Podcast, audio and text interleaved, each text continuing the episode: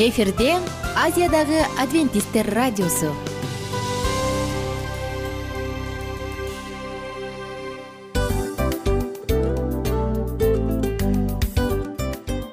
Достор салют. Баардык сүйүктүү угармандарыбызга салам айтабыз. Кутман күнүңүздөр менен.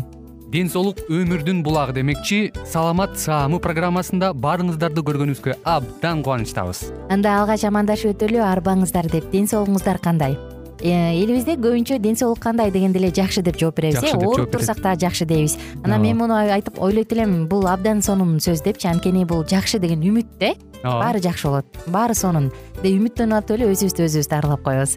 Анысы кандай? Сиздин дагы ден соолугуңуз жакшы беш деген үмүттөбүз чындыгында ден соолук бул өмүрдүн булагы деп бекеринен айтылган эмес деп ойлойм. Кыргыз элинде анткени эгерде ден соолук жок болсо анда адамдын жашоосунда калган баардык керектүү маңыздуу нерселер өзүнүн баалуулугун жоготуп коет. Ошондуктан ден соолук бул эң керектүү нерсе. Ооба туура айтасың кесиптешим. Чынында ден соолугуң жок бир эки үч күн ооруп калсаң эле э кандай болуп калат? Жашоодо көз каранды болуп каласың көп нерсеге жетишпей каласың көп нерсени кыла албай каласың жада калса эшикке дүкөнгө да чыга албай каласың. Туптуура анан ден соолук болсо демек биз биздин бактыбыз тотой деп койсок болот.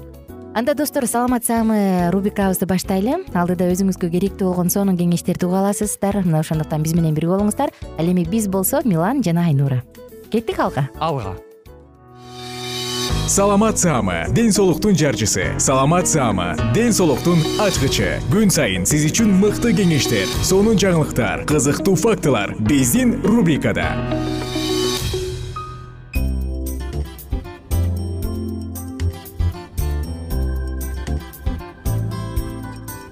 Саламатсыздарбы айымдар жана мырзалар. Жалпыңыздар менен кайрадан мен айнура минасарова. Бүгүн сиздер менен мээнин саламаттыгы үчүн табигый каражаттар жөнүндө сөз кылабыз баш сөөктүн ичине катылганы менен мээ дагы өтө эле назик э? Ал биздин физикалык ар кандай таасирлерге денеге таасир кылуучу ар кандай температурабы тактилдүү нерселерби ошонун баардыгына тең сезимтал келет. Элестетип көрүңүз мына ошондуктан ванна сүртүү күн нуру жана башка ушул сыяктуу табигый каражаттардын баардыгы мээге дагы таасир кылат. Эмесе бүгүн сиздер менен жөнөкөй бирок эң эле таасир кылуучу мыкты процедуралар жөнүндө сөз кылалы. Эстеп калыңыз жана колдонуңуз. Биринчи эле процедура. Бул баарына тең маалым. Тагыраак айтканда жылуу ванна. Ванна бөлмөдөгү температурада болушу керек жана баштан сырткары баардык денеге болушу керек жылуу ваннага түшүш үчүн сиз ага толугу менен кириңиз бирок башыңызды чыгарып коюңуз мойнуңуздан өйдө. Эгерде башыңыз ооруп кетсе анда башыңыздын алдына бир аз бир нерсе жасап коюңуз же болбосо башыңызга муздак компресс коюп коюңуз. Муну жасаш өтө эле оңой болгондо дагы сууга жатып алып колдоруңузду буттарыңызды бир аз бир аз кыймылдатсаңыз болот. Жылуу ванна эмнеси менен пайдалуу? Ал булчуңдардын тонусун төмөндөтөт жана адамга тынчтандыруучу эффект көрсөтөт тынчтандыруучу эффект абдан күчтүү. Эгерде суу өтө ысык болбосо а жылуу бөлмө температурасында болсо мына ошондуктан нерв системалардын баардыгын тынчтандырам бошоңдотом десеңиз ваннага түшүп коюңуз. Өзгөчө сиз уйкусуздук менен кыйналып жатсаңыз анда ваннага түшүңүз. Ал эмес достор жылуу ванна паркинсон оорусу менен ооругандарга неврологиялык э, бузулууларды башынан өткөрүп жаткан адамдарга спастикалык параличте дагы сөзсүз түрдө сунушталат. Жүрөк ооруса дем алуу кыйын болсо анда бул нерсени абайлаңыз. Көп жатпаш керек. Ванна жакшы болуш үчүн бир эки литр суу куюп койсоңуз чөп куюп койсоңуз болот. Балким бул ромашканын мелисанын лаванданын тундурмасыбы же валериананын тамырыбы. Андан сырткары он беш жыйырма эссенция лаванданын же мелисанын эссенциясын тамчылатып кошуп койсоңуз жакшы адам кош бойлуу кезинде отуз жети градустан өйдө кылбаш керек суунун температурасын негизи эле адамдарга сунушталган температура бул отуз төрттөн отуз жети градуска чейин. Жылуу ванна он он беш мүнөт гана болгону жакшы. Ал эми ваннадан чыккан соң өзүңүздүн денеңизди нымдашылган полотенце менен сүртүп коюңуз. Жарым саатча жатып туруңуз. Анан мындай ваннаны бир күндө бир же эки жолу кабыл алып койсоңуз болот. Кийинки дагы бир айта турган нерсе бул припарка деп аталат. Эң эле сонун мен өзүмө да жасап көргөм бул абдан жакшы. Сиз болгону гана артыңызга Э, ысык полотенцаны ысык кайнак сууга колдон келишинче ысыгыраак болгону жакшы. Ушундай сууга полотенцаны бир сыйра сыгып алып туруп анан жабыш керек. Бирок дароо эле муздак денеге жөнөкөй эле денеге чаап салганга болбойт. Биринчи кадимкидей чыттан ткань менен ушундайды артыңызга жабасыз. Анын үстүнө ысык сууга чыланган кайра сыгып алынган полотенцени жабасыз. Анын үстүнөн одеял жаап коюшуңуз керек болот. он он беш мүнөт жатасыз чыдап дене күйүп калбасын күйгөнгө жеткирбеңиз. он он беш мүнөт жатасыз анан кайра баягы полотенцени кайра кайнак суу ысык сууга аябай ысык сууга бир сыйра чылап сыгып аласыз дагы коесуз. Ошентип бул процедураны эки үч жолу кайталайсыз. Анан сөзсүз түрдө достор жумасына бир же эки жолу жасап койсоңуз жетиштүү. Кийинки дагы бир процедура бул бут үчүн ысык ванна бутуңузду балтырыңызга чейин ысык сууга салыңыз. Анан ал жакта бир нече мүнөт отуруп туруңуз. отуз алтыдан кырк градус цельсийге чейин болгону жакшы суунун температурасы ал эми мындай ванна он он беш мүнөт болгону жетиштүү. Ванна дагы адамдын кан айлануусун жакшыртат. Анын натыйжасында мээге кан көбүрөөк жетет жана баш оору дагы азаят. Кийинки дагы сонун ваннаны айталы достор бул башка муз коюу колдон келишинче резина же полиэтилен баштыгына музду саласыз дагы башка коесуз башка коюлган муз мээдеги шишикти же болбосо ар кандай мээде калып калып кала туруучу ар кандай нерселердин баардыгын жок кылат. Өзгөчө инсульт учурунда дагы жакшы. Жана достор муздак бул муздак муз муздак да. Дал ушул мээге коюлган муздак температура нейрондордун жаштыгын жашоосун көбүрөөк узартат. Ушул жагы дагы бар. Жана мээге кан айлануу жакшы жетишпей калып кан жетпей калган болсо булардын баардыгын тең алдын алганга жакшы жардам берет. Кан токтобой агып жатса дагы дал ушул башка коюлган муз жакшы жардамчы. Кийинки процедура. Бул мейлей менен сүртүү деп аталат.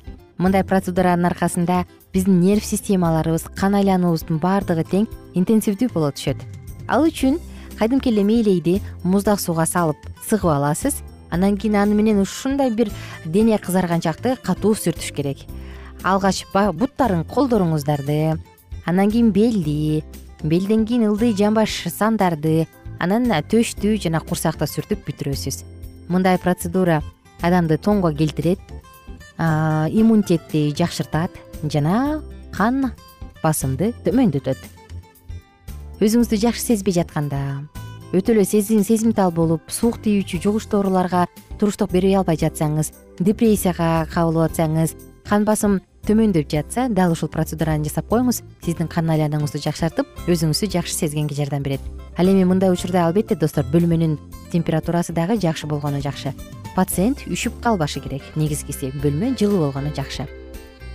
Жана акыркы айта турган процедура бул күн нуру күн нуруна көбүрөөк чыгып көбүрөөк жатып ванна кылыңыз. Бул нерсе кан зат алмашууну активдештирет андан сырткары д витаминин синтездештирет. Бунун баардыгы адамдын организми үчүн абдан жакшы. Жана достор албетте кальцийдин жакшы сиңишине дагы жардам берет. Күн ваннасы антидепрессанттык иммундук стимулдаштыруучу жана ар кандай анемикалык каршы таасирге ээ достор биздин убактыбыз өтө аз калды. Ошондуктан соңку сөздөрүбүздү айта кетели. Эгерде сизде меланома теринин рагы жок болсо жана күн нуруна өтө катуу мындай таасирлентип катуу оорубасаңыз анда бул ваннаны кабыл алсаңыз болот. Ар бир метод өтө эле жөнөкөй. Мына ошондуктан ар бир методду колдонуп өзүңүздүн ден соолугуңузду саламаттыгыңызды чыңдаңыз саламат саама ден соолуктун жарчысы. Саламат саама ден соолуктун ачкычы. Күн сайын сиз үчүн мыкты кеңештер сонун жаңылыктар кызыктуу фактылар биздин рубрикада. Салют замандаштар баарыңыздарга ысык салам. Дил маек программабызга кош келиңиздер. Дил маек рубрикасы дегенде эле бул эмне болгон дил маек ким менен маектешебиз деп сурайт болуш керек угармандарыбыз бул рубриканы кыскача тааныштыра кете турган болсок ар тарап кесип ээлеринен болгон сонун интервью кеңештер бар. Ооба. Жылдыздар менен болгон маек бар. Аталарыбыздын агаларыбыздын чоң аталарыбыздан сонун кеңештер бар. Ошондой эле эже сиңдилердин кеңештери бар айтор. Баардык кызыктардын баары алдыда. Негизи эле адам баласы бир кимдир бирөөнө ишенип сырын ачкысы келет эмеспи э мындай баарлашууга жакын келебиз го? Албетте. Негизи бир жерге отуруп алып кенен шашпай баягы жүрөктөн жүрөккө ачып сырларыбызды ар кандай көйгөйлөрүбүз менен бөлүшүп баягы чын жүрөктөн маек курганды кимибиз сүйбөйбүз э? Ооба десең ал нерсеге суусап да келебиз да? Ооба кээ бирде адамга чындыгында баягы э, ысык маек баягы жылуу маек жетишпейт да. Ошондуктан биз ушул рубриканы ойлоп тапканыбызда эң биринчи эле достор сиздер менен чын жүрөктөн бир маңыздуу темаларды козгоп кеткени э, кааладык. Ошондуктан ушундай сонун бир рубриканы тартуулап жатабыз. Анын үстүнө радио дагы сонун дос да анткени э, мындай учурда досуңа айтсаң досуң досуна айтат досу досуна айтат да анан бүт өлкө билип калышы мүмкүн го.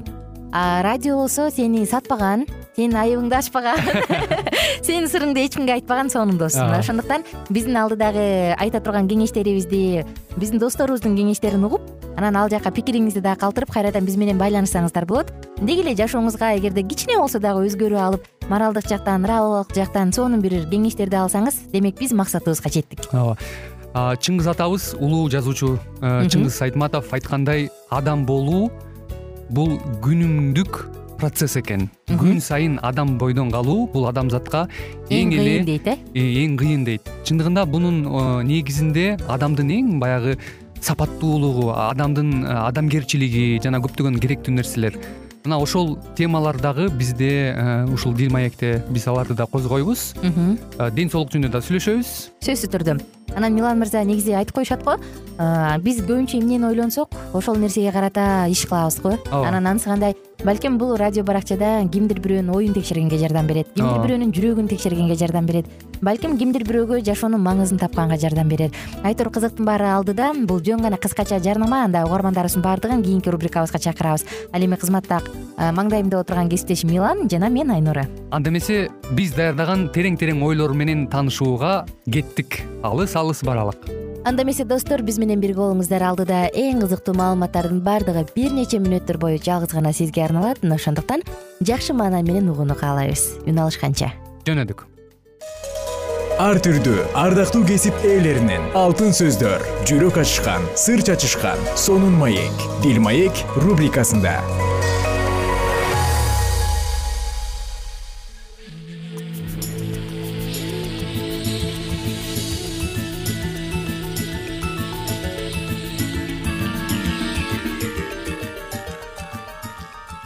кутмандуу күнүңүздөр менен кадырлуу радио угармандарыбыз кайрадан эле сиздердин назарыңыздарда сүйүү жоолугушуу жана нике аттуу программабызды баштамакчыбыз. Бүгүнкү программабыздын чыгарылышында адаттагыдай эле биз ушул сүйүү жаатында маегибизди улантабыз деги эле кесиптешим ушу сүйүү деген сөздү укканда сенде кандай сезимдер болот? Сүйүү дегенде эле мындай романтикалык бир кинолор көзүмө тартылып кетет да чындап эле э, романтикалык э, кинолор көз алдыга тартылаардан э, сырткары дагы негизи эле баягы адам баласынын жашоосунда бул сүйүү деген сөздү укканда жакшы бир сезимдерди тартуулайт эмес. Мисалы деги эле эки адамдын ортосундагы сүйүү жаатында ой жүгүртпөстөн мисалы ошол эле өзүңдүн жашап жаткан айлана чөйрөңө болгон сүйүүң ата энеге болгон сүйүүң мисалы үй бүлөнү ала турган болсок же болбосо ушул биздин жашап жаткан мамлекетибизге болгон сүйүү туурасында дагы дагы жаратсак болот эмеспи. Ал эми бүгүнкү биздин кеп кыла турчу негизги максатыбыз бул ушул эки адамдын ортосундагы сүйүү туурасында болмокчу. Андыктан деги эле ушул туурасында дагы ойлорубузду улантсак. Кесиптешим кандай деп ойлойсуң? Деги эле негизи эле өзү сүйүү деген эмне? Кандай түшүнөсүң? Э, сүйүү деген мисалы бирөөгө кам көрүү дагы бул сүйүү болуш керек да. Мисалы э, кичинекей күчүк багып алсаң дагы ал сенден сүйүүнү талап кылат да ооба сөзсүз түрдө баягы э, үй жаныбарларын алсак деле же болбосо кандайдыр бир э, нерседе сөзсүз түрдө баягы адамдын мээримине ар бир эле э, мисалы жандык муктаж болуш керек менимче ошол эле жан жаныбарлар адамдардын ортосунда болгон мамилени дагы бул сүйүү толуктап турат эмеспи. Мисалы жаратылышты деле ошол жаратканыбыз сүйүүнүн негизинде жараткан десек дагы аша чапкандык болбос ооба айтып да коюшат го баардыгынын башаты бул сүйүү депчи. Ооба сөзсүз түрдө ушул дүйнөнүн жаралышы баардык нерсе бул сүйүүдөн э, жаралган экен. Мисалы үй бүлө дагы бул сүйүүдөн башталат болуш керек э? Ооба сөзсүз түрдө үй бүлө дагы бул ушул сүйүүнүн негизинде куралат эмеспи мисалга бирөөнү сүйүп бирөөнүн сүйүктүүсү болуу бул ар бир адамдын табигый муктаждыгы деп да айтсак болот да. Өзгөчө жаштар үчүн мисалга э, жаштар бат эле сүйүп калып бат эле жактырып калып анан көгүлтүр э, көз айнектен көрүп калышат го бул дүйнөнүн баарын. Ошол күлгүн көз айнек аркылуу бул бүт дүйнөнүн баары башкача көрүнөт деп. Бирок ушул реалдуу жашоо турмуштан карап келгенде баягы розовый очки деп коебуз. Бул нерсе биздин жашообузда дайыма эле боло бербейт эгерде сен мектепте же университетте окуп жатсаң анда кимдир бирөөнү жактырып жүрсөң керек. Же жактырам деп ойлойсуң бирок сүйүү жөнүндө көптөгөн туура эмес түшүнүктөр дагы келип чыгат экен да. Ооба чындап эле мисалы кээ бир учурда ошол балким сен э, бирөөнүн э, сырткы келбетин карап эле жактырып дагы калышың мүмкүн. Ошо башкача айтканда баягы э, дене мүчөсүн карап эле жактырып. А бирок бул негизинен адамдык э, сүйүү деп дагы эсептелинет экен. Мисалы э, гректердин э, тилинде муну эрос деп дагы атап келишкен экен. Мисалы анын сырткы келбетин көрүп эле жактырып калуу бул денелик сүйүүгө алып келип калат экен да мисалы көпчүлүк жаштар сүйүү менен кызыгуунун айырмасын билишпейт экен. Башка бирөөлөр э, биринчи көз караштан сүйүп калууга болот деп ойлошот экен. Ал эми башка бирөөлөр сүйүү менен кумардын же сүйүү менен жыныстык тартылуунун ортосундагы айырманы билишпейт деп айтып да коюшат экен биздин жараткан жаратуучубуз дагы ушул сүйүү жаатында алып караганда э, ыйык жазуунун негизинде карай турган болсок никеге чейин жыныстык мамиледе болууга кудайдын сөзү тыюу салган экен. Э, мисалга э, никеге чейинки жыныстык катнаштагы бул көп проблемаларды дагы алып келиши мүмкүн экен да. Мисалы күтүлбөгөн бала же талкаланган сезимдер талкаланган жашоо жаш жубайлардын дагы көптөгөн ажырашуулар дагы ушул себеп болот экен да күтүлбөгөн жерден бойго бүтүп калуу э, андан сырткары ушул э, жеке эле бойго бүтүп калбастан э, адамдын ар кандай тагдырларга дагы туш болуп калат. Мисалга алсак ушул кыздар ушу өзүнүн жанын кыйганга да барат экен. Ал эми мырзалар болсо мунун натыйжасында кылмыш жазасына тартылып түрмөгө отуруп калуу дагы коркунучу бар экен. Мына ошентип адам баласы өзүнүн тагдырына өзү балта чапкандыкка барабар деп дагы айтсак жаңылышпайт экенбиз мисалы сүйүүнү дагы биз кызыгуу деп билип алат экенбиз да. Мисалы бир жигит бир кызды кызыгып карап калса эле бүттү а мен ушул кызды сүйөт турбаймынбы ушул кызга үйлөнсөм эле менден бактылуу эч ким жок деп ойлошу мүмкүн экен да. Бирок чындап эле чынында бул кызыгуу дагы чыныгы сүйүүгө алып барбайт экен. Мунун натыйжасында биз жогоруда айтып өткөндөй эле айрым бир жаңылыштык ушундай учурларга дагы дуушар болуп калышы толугу менен ыктымал экен мисалга кызыгуу деген эмне? деп биз суроо салсак ал сага кандай таасир берет? Кумар менен сүйүүнүн ортосунда кандай айырма бар? Э, чыныгы сүйүү деген эмне? Кел анда ушул негизги суроолордун жоопторун карап көрөлү эң сонун кеттик анда абдан жакшы болот. Мисалга кызыгуу бул бүт сезимдери менен бир нерсеге берилгендик. Кээде сүйүүдөн сокур болуп калыптыр деп айтып дагы коюшат эмеспи. Башкача айтканда адам башка бирөөгө ушунчалык катуу тартылгандыктан эмне кылып жатканын дагы билбей калышы мүмкүн экен ошондой эле кызыгуунун дагы бир э, айырмачылыгы бул э, мындай болуп эсептелинет экен. Мисалы бирөөнү башоту менен жактырып калган адам өзүнүн периштесинен башка эч кимди көрбөй дагы калат экен. Э, бирок бул негизинен чыныгы сүйүү болуп саналбагандыктан мунун натыйжасы көпкө чейин созулбай өкүнүчтүү тагдырлар менен дагы коштолуп калышы ыктымал кызыгуунун дагы бир э, белгиси бул жактырып калган адамдын жакшы жактарын гана көрүп калат экенсиң да эч кандай жаман жагын көрбөй сокур болуп каласың ооба сөзсүз түрдө баягы мисалы сен ошол жактырган адамыңды дайыма эле терс сапаттарын көрбөстөн дайыма эле анын жакшы гана жактарын көрө бериш дагы бул менимче туура эмес да болуш керек. Анткени сөзсүз түрдө жашоодо баягы кара менен ак эри шаркак жүргөн сыяктуу эки адамдын ортосунда сүрүлүүлөр болуп турган болсо анда бул чыныгы сүйүүгө алып келип калышы дагы ыктымал экен. Мисалы алсак ошол эле дайыма эле жакшы жагын көрүп эле анан э, баш кошуп алган жаштар дагы анан үйлөнгөндөн соң э, баягы чыныгы жашоо турмуш башталганда а көрсө сен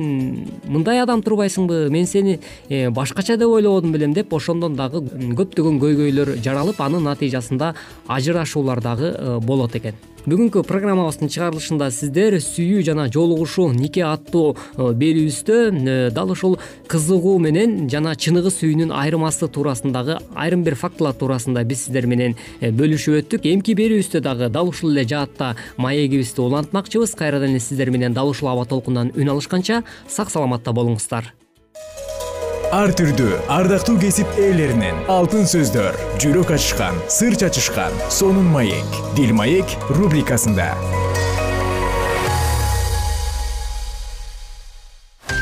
Жан дүйнөңдү байыткан жүрөгүңдү азыктанткан жашооңо маңыз тартуулаган жан азык рубрикасы.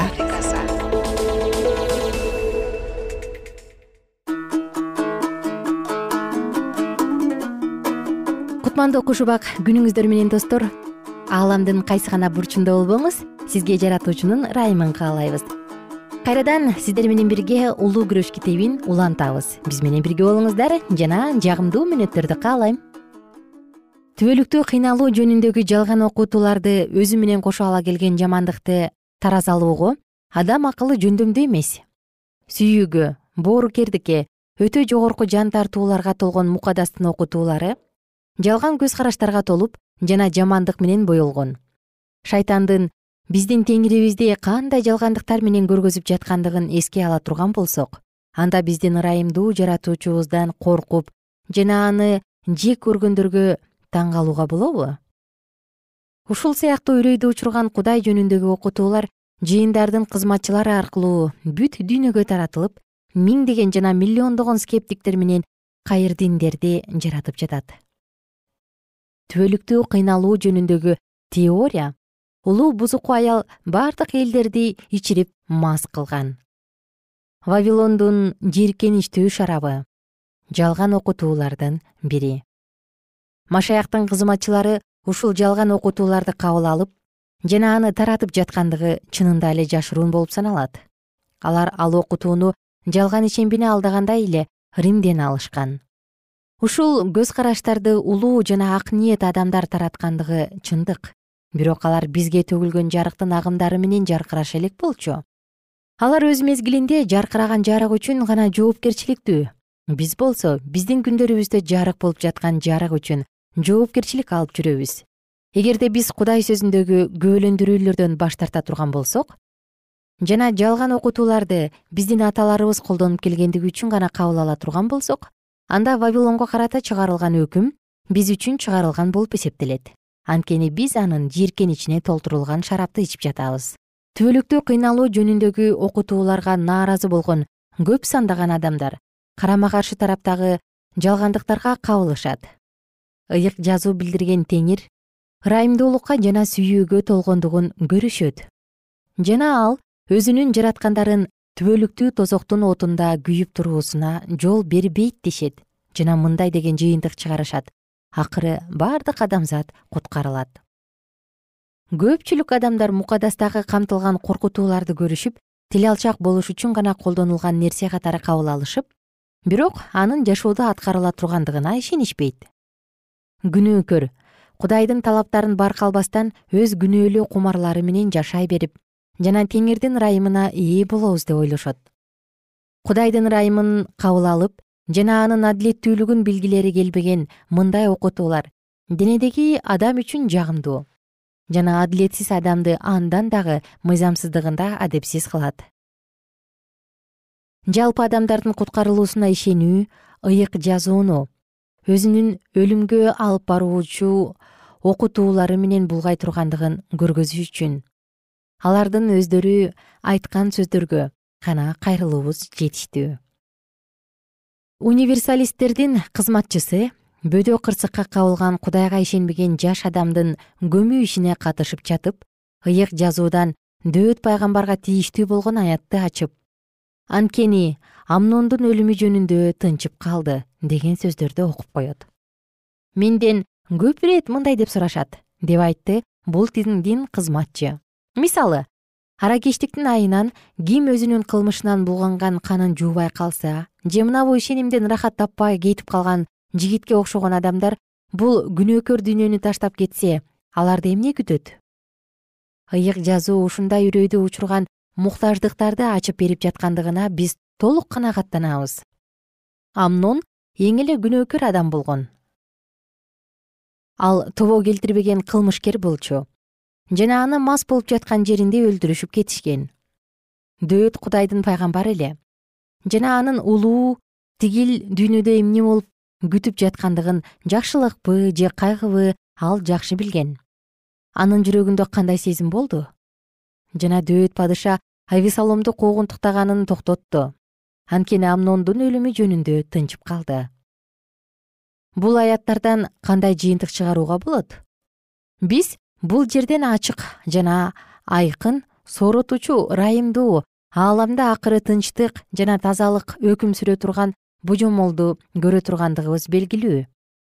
Ал өзүнүн уулунун өлгөнүн көрүп тынчсып калды. Кандайчы эмне себептен?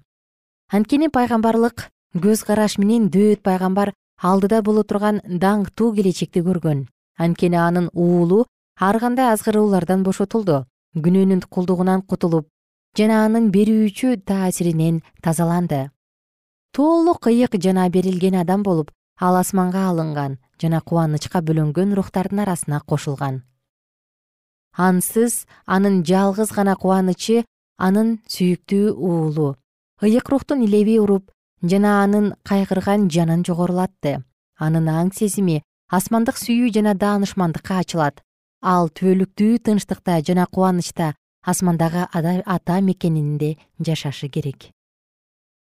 Жана бизге асмандагы куткарылуу биздин бул дүйнөдөгү кылган ишибизге жараша болбой тургандыгы бизге айкын боло баштады. Ал биздин жүрөгүбүздүн өзгөрүүсүнө сырткы ишенимибизге кандайдыр бир динди кабыл алгандыгыбызга байланыштуу эмес. Мына ушундайча машаяктын жалган күбөлөндүрүүчүсү бир кезде эдем багында жылаан айткан сөздөрдү айтып кайталады. Жок өлбөйсүңөр. Силер ал жемиштен жеген күнү силердин көзүңөр ачылат жана силер кудай сыяктуу болуп каласыңар ал эң эле көнүгүшүп калган күнөөкөрлөр киши өлтүрүүчүлөр каракчылар ойноштук кылып бузулгандар өлгөндөн кийин жакшынакай өмүрдү түбөлүктүү жашай берет деп айткан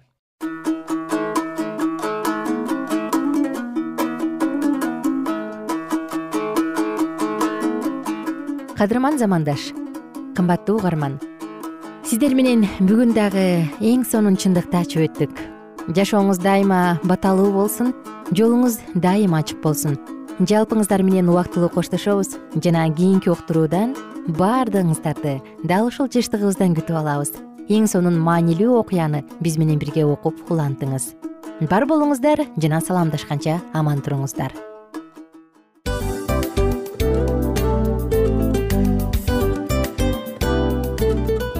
достор биздин радио баракчаларыбыз соңуна келди. Демек бул программабызды дагы жыйынтыктачу учур келдик.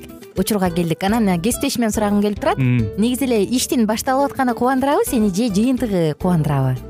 Албетте жыйынтыгы. Себеп дегенде сен кылган ишиңдин жыйынтыгын көрүп э, баягы мөмөсүн көрүп дегендей жыргайсың жүрөгүң жемишинен тартып э кандай даамдуу деп. Баягы буудай сепкенде эмес буудай эгинди жыйнагандан кийин ысык нанды жегенде кадимкидей ырахаттанасың го. Ой айтпа туура айта кеттиңиз. Сонун салыштыруу болду анан мен дагы абдан кубанып турам анткени биз угармандарыбыз үчүн аябай эмгектенип келген уктуруубуздун соңуна келип калдык. Анан эми э, уктуруубуздун соңунда угармандар кандай пайда алып калды экен деп күтүп турам да. Балким э, менин жашоомо өзгөрүү киргизе турган сонун сөздөр болду. Мен ушул нерсени изилдеп анан кабыл албасам ушул нерсени кылбасам деген чечим чыгарсаңыз анда биз абдан кубанычтабыз. Сөзсүз түрдө андыктан кийинки биздин кызыктуу уктурууларыбыздан көрүшкөнчө сак саламатта калыңыздар. Чыдамсыздык менен сиздерди мен милан жана кесиптешим айнура күтөбүз. Баардык угармандарыбызга ийгиликтүү күн каалайбыз качан гана болбосун уртуңуздан жылмаюу кетпесин үйүңүздө көмүр жүрөгүңүздө көңүл болсун дейли